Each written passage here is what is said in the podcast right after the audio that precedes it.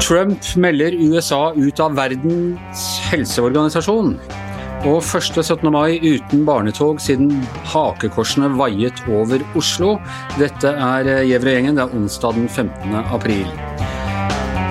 Ja, altså det er, en, det er, en, egen greie nå, vi snakket om det her om dagen også, å sitte oppe om natten, Per Olav Ødegaard, og se på Trumps pressekonferanser, det er av, av, alle ting som strømmes av alle TV-serier og sånne ting, så er det kanskje det beste realityshowet som går nå? Jeg vet ikke. Jo, jeg må tilstå at jeg ikke så på det i natt, men jeg bråvåknet i dag morges så det var en sånn ilmelding på telefonen om at, uh, om at de hadde stanset utbetalingen til Verdens helseorganisasjon, ja i løpet av natten. Ja, og det er altså det, det siste. Det har, det har, tatt en litt mørk tone, disse pressekonferansene eh, etter hvert. Og så, eh, etter at eh, stemningen snudde litt og denne økningen i oppslutningen eh, stoppet for Trump, så har han blitt mer aggressiv, og nå, nå var det altså at han trekker støtten til Verdens helseorganisasjon.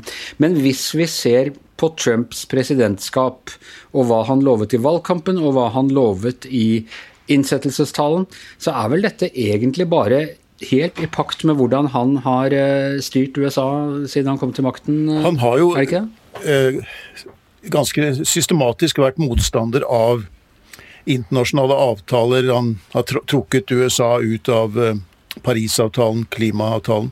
Han har trukket USA ut av handelsavtaler. Han har undergravet Verdens handelsorganisasjon. Eh, og eh, ut Han eh, omtrent truet med å trekke oss ut av Nato, eh, eller trekke seg ut av Nato i starten? I starten så sa, i starten så sa han jo at den, at, at den var utdatert. og så ikke helt hensikten med den. Eh, han har vel endret noe syn på det etter hvert. Men den, hans motstand mot uh, multilaterale organisasjoner og internasjonalt samarbeid er jo vel kjent, og dette passer jo inn i hans Amerika først-ideologi. da. ja. så, så, sånn sett så er det ikke verken veldig overraskende eller uh, sjokkerende? Nei, og i det, og i det budsjettforslaget som hans regjering la fram i, i fjor høst, så var det jo Eh, så gikk de inn for et kutt i bevilgningene til eh, Verdens helseorganisasjon. Eh, men det var ikke noe stemning for i Kongressen, da, som så det som viktig. Men, men, hva betyr dette i praksis? Må da de andre medlemslandene, fordi det er klart at Verdens helseorganisasjon med alle sine øh, feil og mangler er jo nødt til å kunne operere i denne situasjonen. Eh, skal vi andre medlemsland da betale mer, eller hvordan rent øh, praktisk vil dette løses? Vi vil jo, får jo se hva dette egentlig blir til. Altså USA er den største bidragsyteren til WHOs budsjett. De, de har forplikta seg til å, å gi nesten 900 millioner dollar over to år.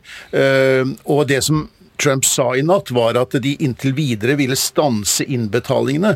Eh, og hva det i praksis kommer til å bety. Og det er en periode hvor de skal da granske og se nærmere på hvordan WHO eh, fungerer. Men han anklaget jo for å ha dekket over og for å ha forsinket reaksjonene da på pandemien, den måten de opererer på. Men vi vet jo ennå ikke helt hva det betyr, men i ytterste instans så vil jo andre land måtte ta en større del av byrden. Eh, og det er klart at et land som Kina kan ta en større del av byrden. De betaler langt, langt mindre enn USA for WHO, og de har også, eh, på lik linje med andre land, interesse av det. Men vi har jo vært vant med at USA har tatt en internasjonal lederposisjon i disse organisasjonene, og vært ledende også når det gjelder å bekjempe pandemier.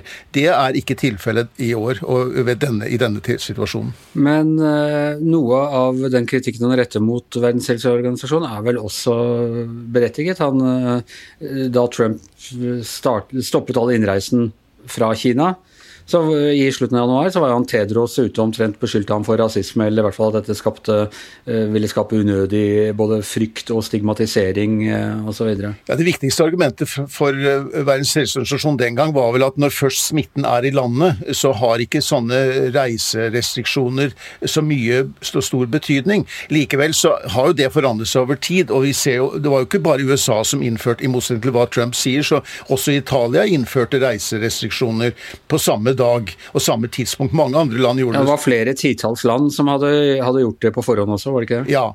slik at, Og, og, og et, det, noe av det aller første var vel Taiwan som innførte restriksjoner og stanset flyvninger. Og, og, den, det, som, det, som, USA gjorde, stanset jo ikke flyvningene fra USA heller. Amerikanske statsborgere kunne reise inn fra Kina, og, de som hadde lovlig opphold i USA, kunne reise inn. Og det kom i hvert fall 40 000 fra, mennesker fra Kina til USA de to månedene som fulgte etter det såkalte reiseforbudet. Så, og Flyverutene var åpne fra Hongkong og Macau og andre byer. sånn at det, det, var, det var, ikke noe effektiv Det var ikke noe sånn at man stengte grensen til Kina. Det var det ikke. Og da var allerede, da var allerede smitten i USA. Den hadde Første mann som ble registrert, var vel 21.1. Men men i hvert fall det var et grep fra Trumps side, et grep han fikk en del eh, kritikk for, ikke bare fra Verdens uh, helseorganisasjon. Og når man kjenner mannen, så måtte man jo på en måte eh, regne med at det utspillet fra Tedros ikke ville virke konstruktivt inn på samarbeidet mellom Verdens helseorganisasjon og USA. Helt sikkert. Og det er ting, altså jeg er helt sikker på at, man, at, det er ting man kan kritisere også Verdens helseorganisasjon for her, men mye av det er egentlig en fordekt kritikk av Kina. For det var Kina som satt på den informasjonen om hva som egentlig foregikk i Wuhan i flere uker, uten at de delte den informasjonen. Heller ikke med Verdens helseorganisasjon. Ja, de sa det var et utbrudd, men de, de sa langt inn i januar at de ikke trodde det smittet mellom mennesker. Og det var den informasjonen fra Kina som også Verdens helseorganisasjon videreformidlet. Det tok tid før Verdens helseorganisasjon kom inn til Kina og inn til Wuhan. Eh, og Kina sa også nei til at amerikanerne fikk komme inn og se selv med egne øyne hva som foregikk. Så er, egentlig så er dette mer en kritikk mot Kina enn det er mot Verdens helseorganisasjon, som uh, samme dag, eller omtrent samtidig som Trump innførte reiserestriksjonene sine, jo erklærte at dette var en internasjonal helsekrise, koronaepidemien. Men man kan vel også kritisere Verdens helseorganisasjon for å ha kjøpt informasjonen fra, fra Kina altfor ukritisk og, og, og, spredd videre. Og, og den derre rosen som eh, Tedros drev med, og hvilken åpenhet og, sånne ting som uh, Kina viste, er jo, er jo, bare tull. Så han er litt i lomma på kineserne på en eller annen måte, han Tedros, er han ikke? Altså, eh, Verdens helseinstitusjon er helt avhengig av at de får korrekt informasjon fra medlemslandene når de ikke selv og i hvert, fall, i hvert fall inntil de får selv tilgang til disse områdene. Og jeg, jeg reagerte også på det der overstrømmende eh, rosen av hvordan Kina håndterte dette. fordi Kina gjorde jo mye, mye, som var grunnleggende feil helt i starten her. De prøvde, å forti, altså fortie dette her. De prøvde å kneble de som varslet om det internt. Og det tok tid før de reagerte. Når de først reagerte, så var de veldig omfattende, de tiltakene som kom. Men samtidig så, så var jo Trump selv den som snakket med president eh, Xi i Kina på denne tiden. Eh, jeg slo opp en, en av disse på hans Twitter-konto der i 24.1, så sa, sa, han etter en samtale med president Xi at Kina har arbeidet veldig hardt med å begrense dette viruset, og USA setter stor pris på det, eller verdsetter høyt deres anstrengelser og inn, innsyn. Og dette vil utvikle seg godt, og jeg vil spesielt på vegne av det amerikanske folk takke president Xi. Så eh, han hadde også, til, han hadde også muligheten til å han snakket direkte med den kinesiske ledelsen. Amerikansk etterretning hadde mye informasjon, og det ble også delt med Det hvite hus om hva som egentlig var Men, men det var en dystrere rapporter som kom fra etterretningen, da. Men så Trump stolte også på det som kom fra kinesiske myndigheter. Verdens helseorganisasjon og USA har vært omtrent uh, like treige til, til, å reagere der, altså. Eh, ja, uh, de skal snart åpne skoler igjen. Norge skal tilbake sakte mot normalen. Men én ting, en unormal ting, og jeg må si, dette har jo på en måte vært opplagt Yngve Kvistad, dette har vært opplagt en stund at så skulle skje, men det gikk et søkk i meg da det kom pushmelding i går om at det ikke blir barnetog i Oslo på 17. mai. Jeg hadde samme følelse sjøl, Anders. For at eh, vi har, jo, vi, har jo, vi har, jo, sett det komme.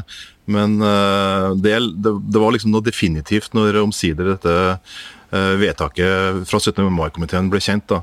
Nå så har jo tilsvarende vedtak også blitt fatta i, i, Trondheim tidligere. og i og, og Bodø og Kristiansand og Tromsø har jo også varsla at det blir en annerledes feiring. Men det er jo litt spesielt da med det barnetoget i Oslo. ikke sant? Det, Det er jo over 30, det er vel rundt 30 000 barn. Det er liksom det virkelig store eh, barnetoget. Det er jo en eh, internasjonal happening. Det kommer jo folk fra hele verden for å se på dette her. Eh, I år var det også litt spesielt, for det var det 150 år siden det første barnetoget fant sted i Oslo. Eh, det er også 205 år siden det aller første 17. mai-toget eh, gikk. Det var i Trondheim i, eh, i 1815. For øvrig initiert av daværende av redaktøren i Adresseavisa, Mathias Konrad Petersen. Så det er jo, det er jo en, eh, virkelig en historisk institusjon som nå er satt på, på pause. da. Altså En ting var at man kunne kjørt en disiplin i toget med avstand mellom de som går der og færre skoler og sånne ting, men det hadde vel vært vanskelig pga. all publikumstilstrømningen og sånne ting å, å regulere det? Ja, Det er jo, det er jo anslagsvis 100 000 mennesker som uh, tropper opp langs Karl Johan og i Oslo sentrum når uh, når det barnetoget går, så eh, jeg ser ikke noe altså Jeg regner jo med at de har gjort vurderinger av, av det, men, men, det er jo helt illusorisk å tro at det skal gå an å liksom, regulere det på noe vis eh, med så mye folk og så mye trengsel som man ja, vet at det blir da i, i Oslo sentrum på, på, nasjonaldagen. Per Olav, du som følger med på diktaturene, hva gjør de med alle disse flotte paradene sine? Eh, nå i koronatiden? Er det avlyses sånne ting andre steder òg, eller er det bare the show must go on? Ja, du vet, eh, i, eh, i, i morgen, nei faktisk senere i dag allerede, er, så skulle man jo egentlig ha feiret um, Nord-Koreas diktator Eller han som opprettet Nord-Korea, Kim Il-sung. Han, han, han, fyller jo egentlig 108, Han skulle ha fylt 108 år 15. april. Og da pleier de å markere dette med storstilte, med militærparader og og titusener, hundretusener som hyller han. Eh, og eh, dette, i Nord-Korea er jo faktisk et land som fantastisk nok ikke har et eneste tilfelle med korona. I hvert fall ifølge myndighetene. Det er pga. den gode helse- og sosialpolitikken der, regner jeg med? Det må være det, altså, fordi de har um, de har eh, i hvert fall understreket det. Det er litt sånn de sånn rart eh, For det er litt eh, De sier samtidig som det ikke er noe smitte, så må de faktisk ha en dempet markering i år. Det blir ingen parader.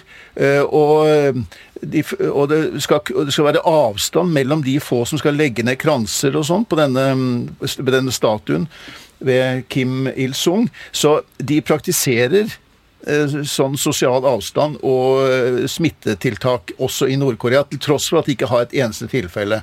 Da, da, da, regner jeg med at fjellene der nede kommer til å gråte over dette, for det husker jeg de gjorde da han, da han ble begravet i, i, sin tid. Da, da rykket inn annonser i norske aviser hvor de fortalte om hvordan fjellene ja, hadde grått. Så det er, øh, så det, altså det, er, det får konsekvenser verden over. Men jeg tror jo, jeg må, jeg må, nok si at når det gjelder akkurat den norske markeringen av 17. mai, så vil jeg tro at liksom en av de tingene som kommer til å stå i historiebøkene, er akkurat det. At det var faktisk sånn i det året 2020 at vi ikke kunne ha barnetog på 17. mai. Ja, og, og, forrige gang vi ikke hadde barnetog på 17. mai, det var altså i, i 1944. Så, så, historisk ganske spesielt, uh, Yngve? Ja, det er absolutt. Eh, og en liten, eh, bare komme med en liten sånn historisk fun fact til slutt, da, som er uh, veldig mal apropos. Men du vet, det var jo en, en norsk avis som het 17. mai, som var en videreføring av avisa Fedreheimen. Eh, det var i sin tid eh, den største abonnementsavisa i eh, en abonnements- riksavisa. Og den avisa ble faktisk laga i det huset hvor jeg sitter nå, rett i, bare noen meter unna her, i det som da var en tilstøtende stue. Så satt Arne Garborg og Rasmus Steinsvik og Ivar Mortensson Engnud og, og laga da avisa 17. mai. Men da kommer ikke den heller i år, da, pga. koronaviruset? Nei, den kommer heller ikke i år. Nei, det blir en annerledes 17. mai for noen av enhver, det er helt sikkert. Vi får arrangere, arrangere turer sånn på Google Meet og, og FaceTime og, og, og, gå i, i hvert vårt tog, sånn små polyneseganger gjennom, gjennom leilighetene og husene våre. I stedet var Per Olav Ødegaard, Yngve Kvistad, Anne Skjever, vår produsent og evig formann i 17. mai-komiteen, Magne Antonsen. Vi høres igjen i morgen.